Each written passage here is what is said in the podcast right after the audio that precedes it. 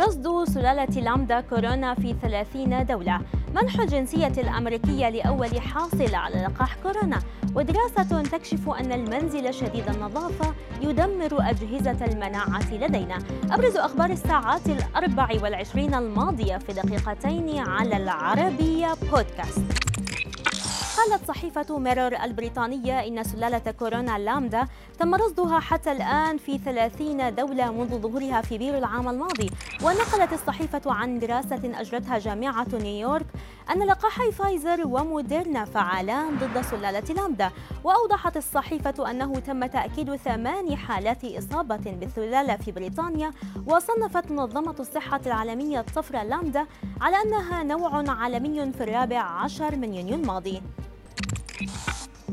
تستعد إنجلترا لإلغاء تدابير السلامه ضد فيروس كورونا خلال أقل من أسبوعين حيث ستتم إزالة جميع المتطلبات القانونية لتغطية الوجه والتباعد الاجتماعي. رئيس الوزراء البريطاني بوريس جونسون قال إنه على البلاد أن تتعلم التعايش مع الفيروس. لكن العلماء قالوا لصحيفة ذا جارديان إن بريطانيا دون قيود تخاطر بأن تصبح مصنعا للمتغيرات. عرفانا بالدور الكبير الذي قامت به الممرضة ساندرا لينسي المهاجرة من جامايكا قرر متحف سميثونيان الأمريكي تخليد ذكرى تلقيها تلقيها لقاح كورونا باعتبارها أول شخص في أمريكا يحصل عليه.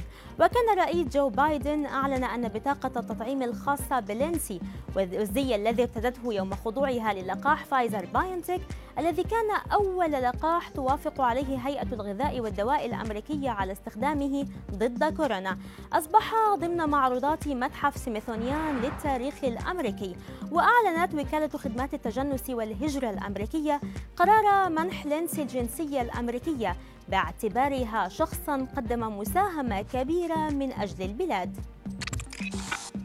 النظافة المفرطة قد تفضي إلى نتائج عكسية على صحتنا العامة.